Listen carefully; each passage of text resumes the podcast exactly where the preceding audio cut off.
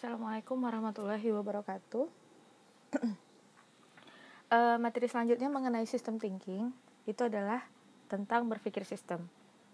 Uh, saya harap semuanya dapat melihat PowerPoint sambil mendengarkan podcast ini, ya.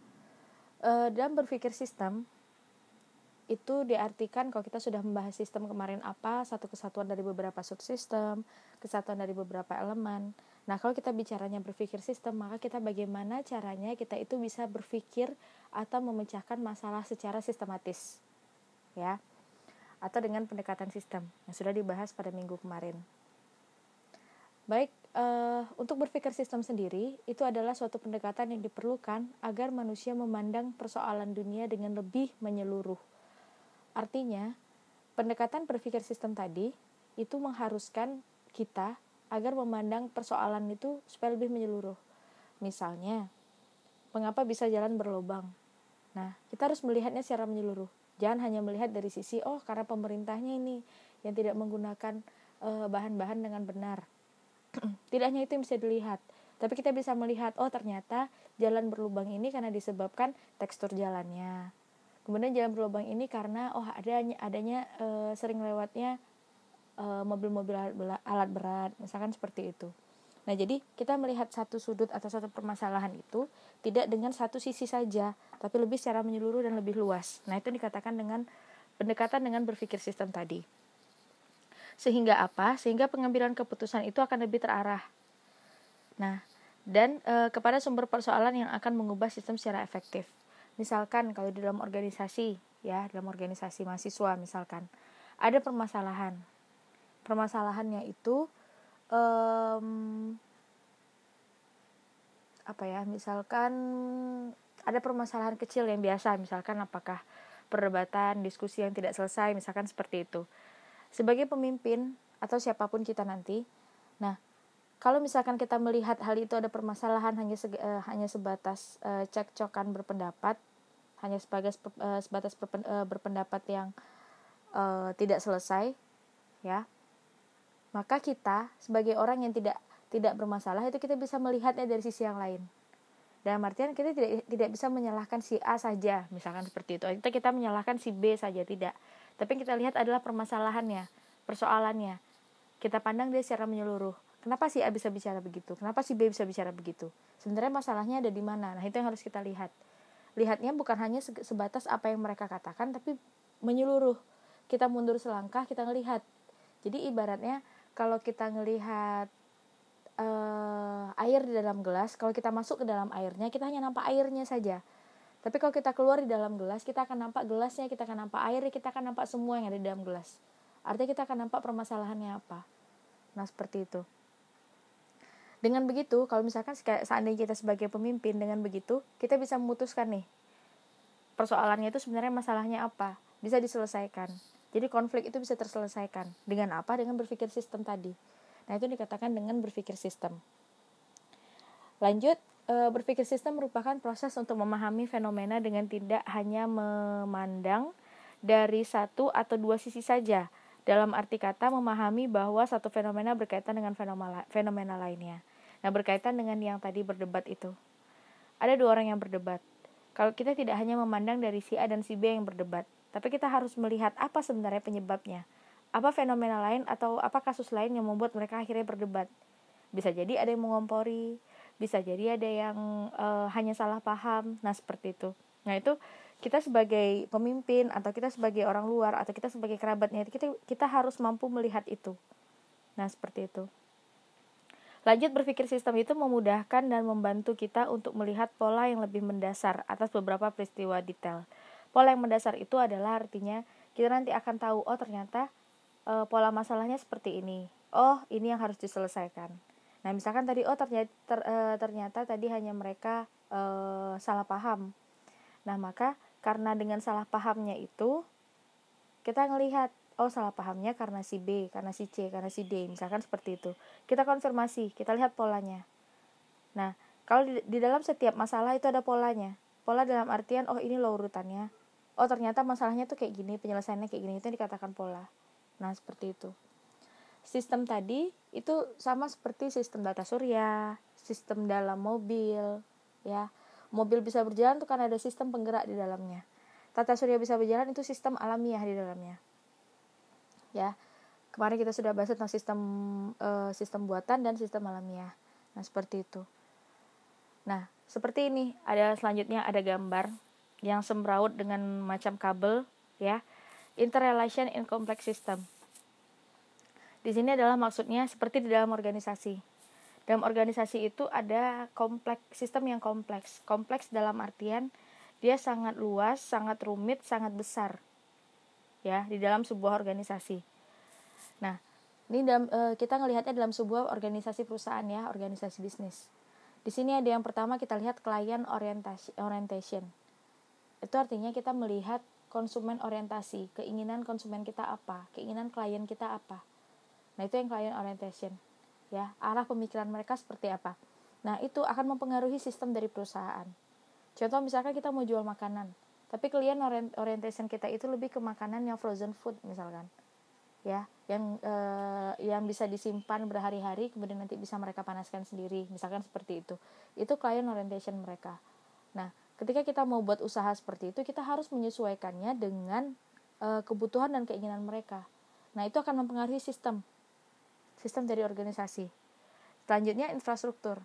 Infrastruktur juga mempengaruhi. Misalkan eh, kemudahan kita dalam berkendara untuk mengantarkan bahan ke klien, kemudian kita kemudian kita berkendara untuk membeli bahan-bahan untuk eh, operasional. Nah, seperti itu itu mempengaruhi. Kemudian selanjutnya ada development goals. Ya, tujuan pengembangan. Arah dari usaha kita nanti mau ke mana? Nah, itu akan mempengaruhi isi dalam dari sistem tadi. Makanya sampai sebanyak ini semraut kabelnya karena mereka merupakan sistem. Sistem yang sangat kompleks. Lanjut job description. Nah, setiap orang yang akan bekerja sama kita itu memiliki job description yang masing-masing. Itu yang harus disusun, misalkan seperti itu. Lanjut teknologi. Teknologi yang digunakan seperti apa? Sudah tepat guna atau belum? Sudah benar atau belum? Tepat guna itu artinya kalau kita mau buka usaha, kita harus punya handphone nih, ya kan? Kita harus punya gadget misalkan tapi kalau misalkan kita tidak punya gadget, kita tidak ngasih gadget kita ke karyawan kita, maka otomatis uh, tidak akan berjalan bisnisnya gitu. Ada satu yang putus kabel yang sembraut ini ada yang putus satu. Nah seperti itu. Selanjutnya ada corporate culture, budaya perusahaan atau budaya organisasi dalam perusahaan. Nah, corporate culture ini ini juga mempengaruhi dari kesembrautan sistem yang ada di dalam perusahaan. Ya dia uh, orang tidak akan bergerak menjalankan job descriptionnya kalau culture-nya itu tidak dipahami oleh setiap karyawan. Corporate culture itu tidak mendarah daging. Nah, seperti itu. Jadi dia mereka semuanya saling berkaitan, termasuk political framework, kemudian pasar atau market, budget anggaran. Anggaran ini ketika diputus itu akan memangkas semuanya, termasuk infrastrukturnya, client orientationnya, pasarnya, budaya, teknologi semuanya. Kalau seandainya budgetnya ditiadakan, maka teknologi ini tidak akan bergerak. Job description ini tidak tidak akan bergerak. Kita tidak akan bisa menggaji karyawan. Bagaimana kita bisa menggaji karyawan? Tidak bisa menggaji karyawan, tapi job descriptionnya kita kasih kan tidak mungkin. Nah, kemudian tujuan perusahaan juga tidak akan tercapai. Leadership tidak akan jalan, komunikasi tidak akan jalan. Kenapa dan bagaimananya segala sesuatu yang ada di perusahaan itu juga tidak akan jalan ketika budget ini diputus maka semuanya makin sembraut dan kacau. Nah seperti itu. Nah e, kabel yang sembraut ini menunjukkan bahwa kompleksitas sistem itu ada. Jadi segala bentuk segala bentuk dalam kehidupan kita itu semuanya kompleks. Saling berkaitan. Walaupun dia sembraut tapi dia saling berkaitan. Salah satunya dihilangkan. Itu akan mempengaruhi yang lain. Nah kemarin saya contohkan ketika uh, tubuh kita salah satu yang hilang dari tubuh kita entah itu ginjal entah itu jantung itu akan mem, uh, akan merusak uh, saraf dan sistem yang lain dalam tubuh kita sehingga kita nanti jadinya sakit nggak bisa bergerak misalkan seperti itu ketika salah satunya rusak. Nah seperti itu juga kehidupan seperti itu juga dalam organisasi seperti itu juga hal-hal sistem yang lainnya ya nah seperti itu. Lanjut manfaat berpikir sistem itu apa? Yang pertama dapat melihat suatu permasalahan itu sebagai bagian dari suatu sistem secara luas. Jadi kita bisa melihat kalau kita sudah mampu berpikir sistem, kita melihat satu persoalan itu tidak hanya satu aja. Lipstick jatuh bukan karena dijatuhkan. Nah, kayak gitu. Lipstick jatuh bukan karena ada yang sengaja ngejatuhin tapi bisa jadi gempa bumi nah misalkan seperti itu ada faktor-faktor lain jadi ngelihat itu jangan dari satu sudut lihat dari segala sudut nah itu yang harus dibuka mindset kita yang harus dibuka itulah manfaat dari berpikir sistem tadi bukan sebagai suatu seba, e, hal yang spesifik yang terpisah nah ini yang mau saya jelaskan bahwa ketika kita menyelesaikan suatu masalah itu tidak bisa kita pilah tidak bisa kita pisah-pisahkan Nah, ketika kita menyelesaikan suatu masalah dan dia berada dalam satu sistem, selesaikanlah secara bersama-sama semuanya. Selesaikanlah secara keseluruhan dan itu tidak bisa dipisah permasalahannya. Misalkan lipstick jatuh, bedak jatuh. Diselesaikan bedak dulu, diselesaikan si, uh, lipstick dulu itu dua kali akan dua kali kerja padahal penyebabnya sama. Nah, itu yang dikatakan sistem tadi.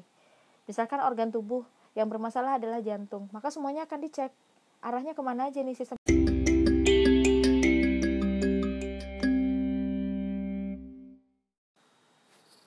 Baik, selanjutnya, e, manfaat berpikir sistem itu tadi adalah memudahkan dalam mengidentifikasi isu yang ada dalam suatu sistem atau organisasi dan kemudian dapat berpikir lebih luas dan jangka panjang tentang mengatasi permasalahan.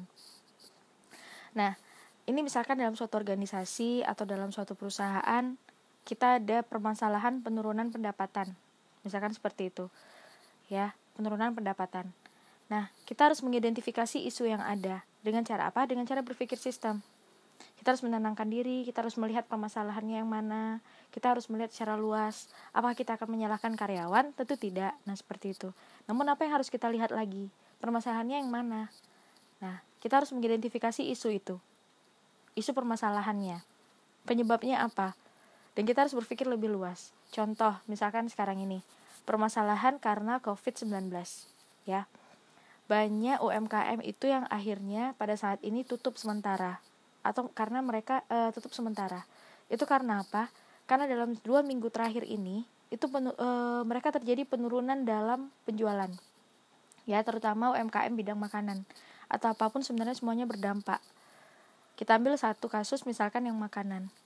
Itu menurun. Ya perlahan menurun. Dua minggu terakhir itu sudah menurun. Akhirnya apa? Mereka harus mengambil langkah untuk tutup. Karena apa? Pertama, karena peraturan pemerintah. Yang kedua, karena memang tidak ada yang tidak ada e, jual beli yang signifikan, sedangkan beban yang harus dikeluarkan itu sangat besar. Nantinya, termasuk gaji karyawan, makannya karyawan, listrik semuanya. Nah, maka akhirnya mereka mengambil e, mengambil langkah untuk menutup dulu sementara. Nah, misalkan seperti itu.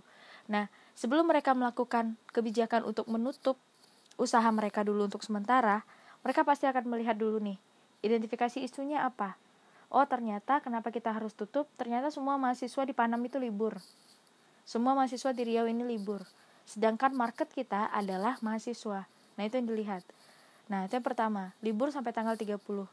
Kemudian dilihat lagi, ada peraturan lagi nih yang keluar. Ternyata sampai tanggal 19 April. Nah, kemudian ada lagi peraturan nih yang keluar. Ternyata sampai tanggal 30 April, misalkan seperti itu maka itu yang menjadi landasan bahwa oh ternyata memang kita sepertinya harus tutup dulu. Karena apa? Market kita itu tidak ada di tempat. Jadi mau dilakukan promosi seperti apa pun itu nggak akan ngaruh. Nah seperti itu. Sebelum ditutup dicoba lagi. Kita melakukan promosi lagi nih. Kita buat diskon 15% untuk take away atau 20% untuk take away nah uh, atau pakai grab food atau pakai gofood. Nah ternyata juga nggak ngaruh nih nggak ngaruh sama sekali. Otomatis hal keputusan yang harus diambil adalah tutup dulu untuk sementara. Karena apa? Market kita nggak ada. Mau dibuat mau dibuat diskon sebesar apa pun itu juga nggak akan ngaruh. Karena apa? Market kita orang market kita nggak ada di tempat. Nah itu yang paling penting. Kalau tetap dipaksakan maka akan berdampak pada pertama kesehatan. Kita nggak tahu kesehatan karyawan kita seperti apa nantinya. Apakah mereka jadi sakit gara-gara kita gara-gara konsumen kita nggak tahu Nah, kemudian di satu sisi kita juga harus mem e, membayar besar beban gaji mereka, uang makan mereka semuanya. Karena apa? Full satu bulan kerja. Duitnya dari mana? Nah, itu yang harus dipertimbangkan oleh perusahaan. Anggarannya bagaimana? Budgetnya bagaimana? Nah, seperti itu. Nah, di situlah kita bicara dengan manfaat berpikir sistem. Bagaimana kita menyelesaikan masalah, menyelesaikan persoalan itu runut sesuai dengan aturan, runut sesuai dengan kita identifikasi pertama isu-isunya apa-apa aja kemudian kita lihat lagi oh ternyata isunya ini kita harus berpikir lebih luas apa sebenarnya ya mata, e, cara mengatasi masalahnya nah itu yang harus dirunutkan nah itu yang di, dikatakan manfaat berpikir sistem tadi Lanjut, mengapa kita harus berpikir sistem? Yang pertama, karena kompleksitas kehidupan atau kompleksitas organisasi. Semuanya itu kompleks. Kompleks, sembraut kayak tadi, kalau misalkan kita juga ikut sembraut untuk menyelesaikannya, maka tidak akan selesai. Maka kita harus berpikir sistem, meluruskan yang sembraut tadi. Nah, seperti itu. Kemudian persaingan yang keras. Dalam bisnis, persaingan itu keras, sangat-sangat keras. Ya, kalau hari ini orang jualan kopi, berik, uh, hari berikutnya ada 10 coffee shop yang akan buka seperti itu yang terjadi sekarang. Ya, maka dikatakanlah persaingan keras. Maka di situ kita harus berpikir sistem. Berpikir sistem dalam artian ketika ada masalah kita menyelesaikannya bagaimana. Untuk menyusun strategi aja itu kita harus berpikir sistem. Siapa market kita? Siapa uh, siapa segmen kita? Bagaimana strategi kita yang tepat kalau untuk mahasiswa? Bagaimana apa yang harus kita lakukan kalau market kita itu adalah mahasiswa? Kayak gimana caranya supaya cafe kita itu ramai? Nah, itu adalah diartikan sebagai berpikir sistem. Cara-cara seperti itu. Nah, selanjutnya dapat mengubah cara pikir yang mendasar. Ketika kita sudah berpikir sistem, kita kita akan merubah cara pikir kita yang mendasar. Ketika ada masalah pribadi atau masalah dengan teman atau masalah dengan siapa pun, kita akan berpikirnya lebih luas.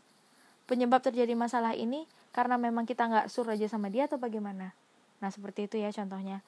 Atau kita bisa lihat, ngelihat lebih luas kalau kita sudah berpikir sistem, kita akan melihat luas. Masalah kecil itu kita pasti kita anggap kecil. Karena apa? Kita tahu penyebab masalah kecil itu apa.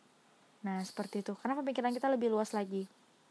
Jadi, ada beberapa orang yang memang masalah kecil itu dianggapnya ribet, dianggapnya rumit. Karena apa? Karena dia belum berpikir secara sistem.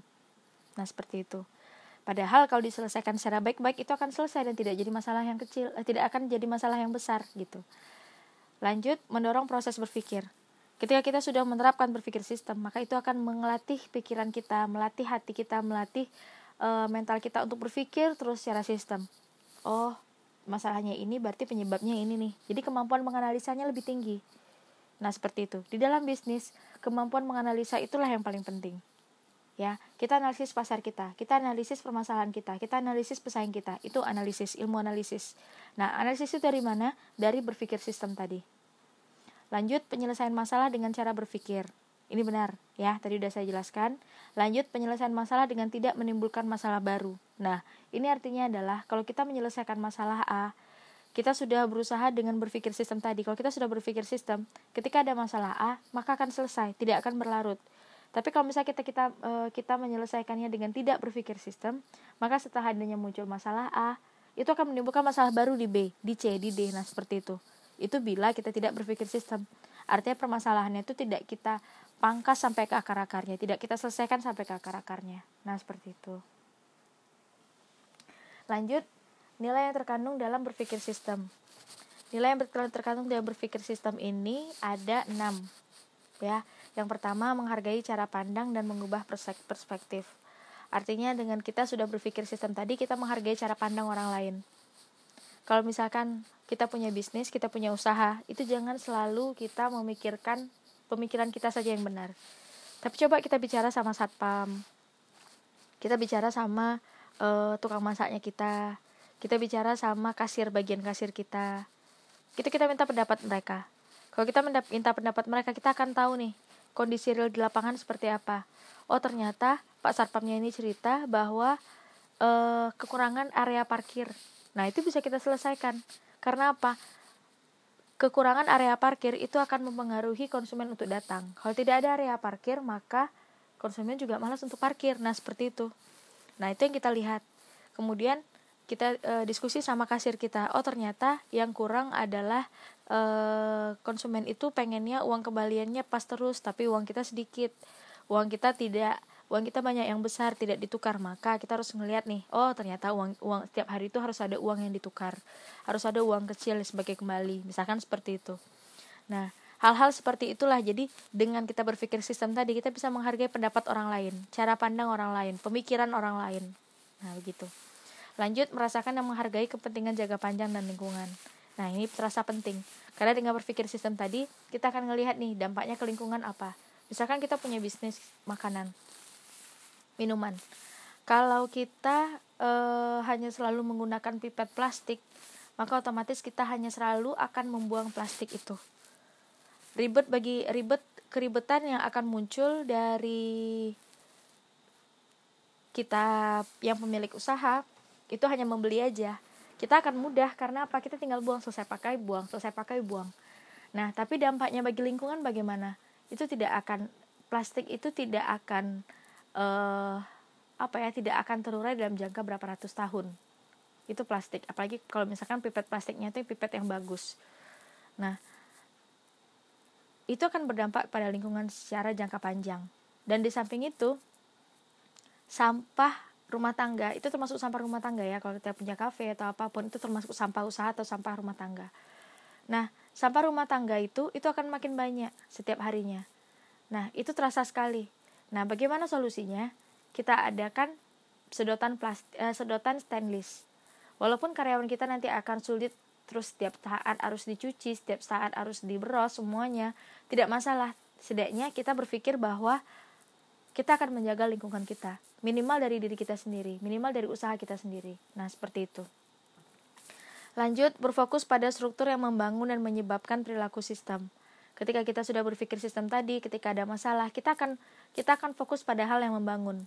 Jadi kalau misalkan ada ada mikro ada masalah mikro dan ada masalah makro. Jadi saya tuh pernah baca artikel bahwa kalau uh, kita itu mau kalau mau jadi orang yang hebat stop untuk berpikir mikro. Dan silakan untuk berpikir makro. Artinya stop berpikir mikro. Jangan mempermasalahkan hal-hal yang kecil. Contoh kalau misalkan kita kerja di kantor ya. Permasalahan hanya sebatas posisi hektar ada di mana saja itu jadi permasalahan nih sama atasan misalkan seperti itu. Itu hal yang mikro yang tidak seharusnya harus diurusi diurusi. Nah ketika kita sudah berpikir sistem hal itu tidak kita pikirkan lagi hal itu tidak kita uh, hal itu sudah tidak kita apa ya tidak kita menjadikan hal yang penting lagi gitu. Karena yang lebih penting adalah banyak nih strategi perusahaan harus diurus konsumen harus diloyalkan gimana cara mereka supaya jadi loyal nah seperti itu. Itu seharusnya yang diurus gitu. Nah ketika kita mau jadi orang hebat kita harus berpikir itu secara luas. Harus berpikir makro jangan stop jadi makanya stop urusi yang mikro mikro itu yang tidak penting nggak usah diurusin nah seperti itu lanjut uh, dengan adanya berpikir sistem tadi, itu kita menyadari bagian yang tersulit tanpa tendensi untuk menyelesaikan yang tergesa-gesa. Jadi artinya uh, kita menyelesaikannya itu tidak dengan tergesa-gesa lagi. Kalau kalau sudah berpikir sistem itu kita menyelesaikan masalah itu dengan terukur, terarah, gitu, teratur. Lanjut, nilai terkandung dalam sistem adalah kita dapat mencari pengalaman. Mencari pengalaman dalam artian dengan cara pandang orang lain, kita tahu nih pengalaman baru. Dengan pemikiran orang lain, dengan pengalaman orang lain, dengan pemikiran kita yang juga terbuka menerimanya, itu kita tahu pengalaman dan pengalaman dari orang lain seperti apa. Yang terakhir menggunakan bahasa pada dasar dan analogi untuk mengantisipasi perilaku dan kecenderungan untuk berubah. Artinya kita akan menyusa, uh, akan beradaptasi menggunakan bahasa kita, perilaku kita. Bagaimana dengan kondisi yang akan berubah itu kita akan beradaptasi. Nah, seperti itu. Itulah yang dikatakan berpikir sistem. Oke, uh, dengan demikian dapat disimpulkan bahwa berpikir sistem itu tadi itu memberikan dampak yang luas bagi kehidupan kita, bagi organisasi, bagi perusahaan. Ketika karyawan atau ketika kita pribadi menerapkan cara berpikir sistem, maka kita tidak lagi memandang hal-hal yang kecil, hal-hal kecil yang dirumitkan. Namun kita lebih memandang hal yang lebih luas. Kita menghargai cara pandang orang lain, kita menghargai sisi orang lain, kita menghargai lingkungan, kita menghargai hal-hal yang jangka panjang, tidak hanya berpikir secara jangka pendek. Nah, ketika hal itu sudah kita lakukan, maka kedewasaan dalam diri manusia itu itu makin semakin bertambah. Dan akhirnya apa? Akan menjadi lebih mudah untuk sukses. Karena apa? Pemikirannya sudah berubah. Perbedaan sama orang yang kuliah dengan orang yang tidak kuliah, mohon maaf, itu perbedaannya adalah dari cara pikir dan cara pandang. Ketika kita sudah kuliah, walaupun beda jurus walaupun jurusannya tidak sesuai dengan yang kita mau misalkan, atau nanti kita bekerja tidak sesuai dengan jurusan kita, tapi yang berubah yang mendasar adalah apa? Pola pikir. Pemikiran kita itu berbeda. Di kampus, perlahan-lahan kita akan diajarkan untuk berpikir secara sistem. Ya, termasuk nanti hingga ke tugas akhir secara tidak disadari. Ya, ketika kita kuliah kita akan bagi, eh, kita akan tahu bagaimana cara mengatasi masalah tanpa masalah lagi misalkan kayak gitu. Bukan pegadaian ya. Tapi kita bisa tahu caranya bagaimana cara mengatasi masalah. Kita bisa tahu e, pola pikir mana yang tepat kita gunakan. Kita lebih bisa menghargai cara pandang atau pemikiran orang lain. Karena apa? Pemikiran kita sudah kita buka luas. Nah itulah perbedaannya. Dan berpikir sistem itu sendiri saat ini ketika misalkan kita masih ngerasa kita belum mampu untuk berpikir sistem, maka mulai sekarang bukalah pikiran dan buatlah kita itu bisa mampu untuk berpikir sistem. Berpikir secara luas, out of the box. Ya, jangan selalu terkurung dalam sangkar aja. Nah, seperti itu. Sekian kuliah kita hari ini. Terima kasih. Saya mohon maaf apabila ada kesalahan atau ada yang terlipat-lipat lidahnya. saya minta maaf. Saya tutup. Uh, apabila ada pertanyaan silahkan ditanyakan. Terima kasih. Assalamualaikum warahmatullahi wabarakatuh dan selamat siang.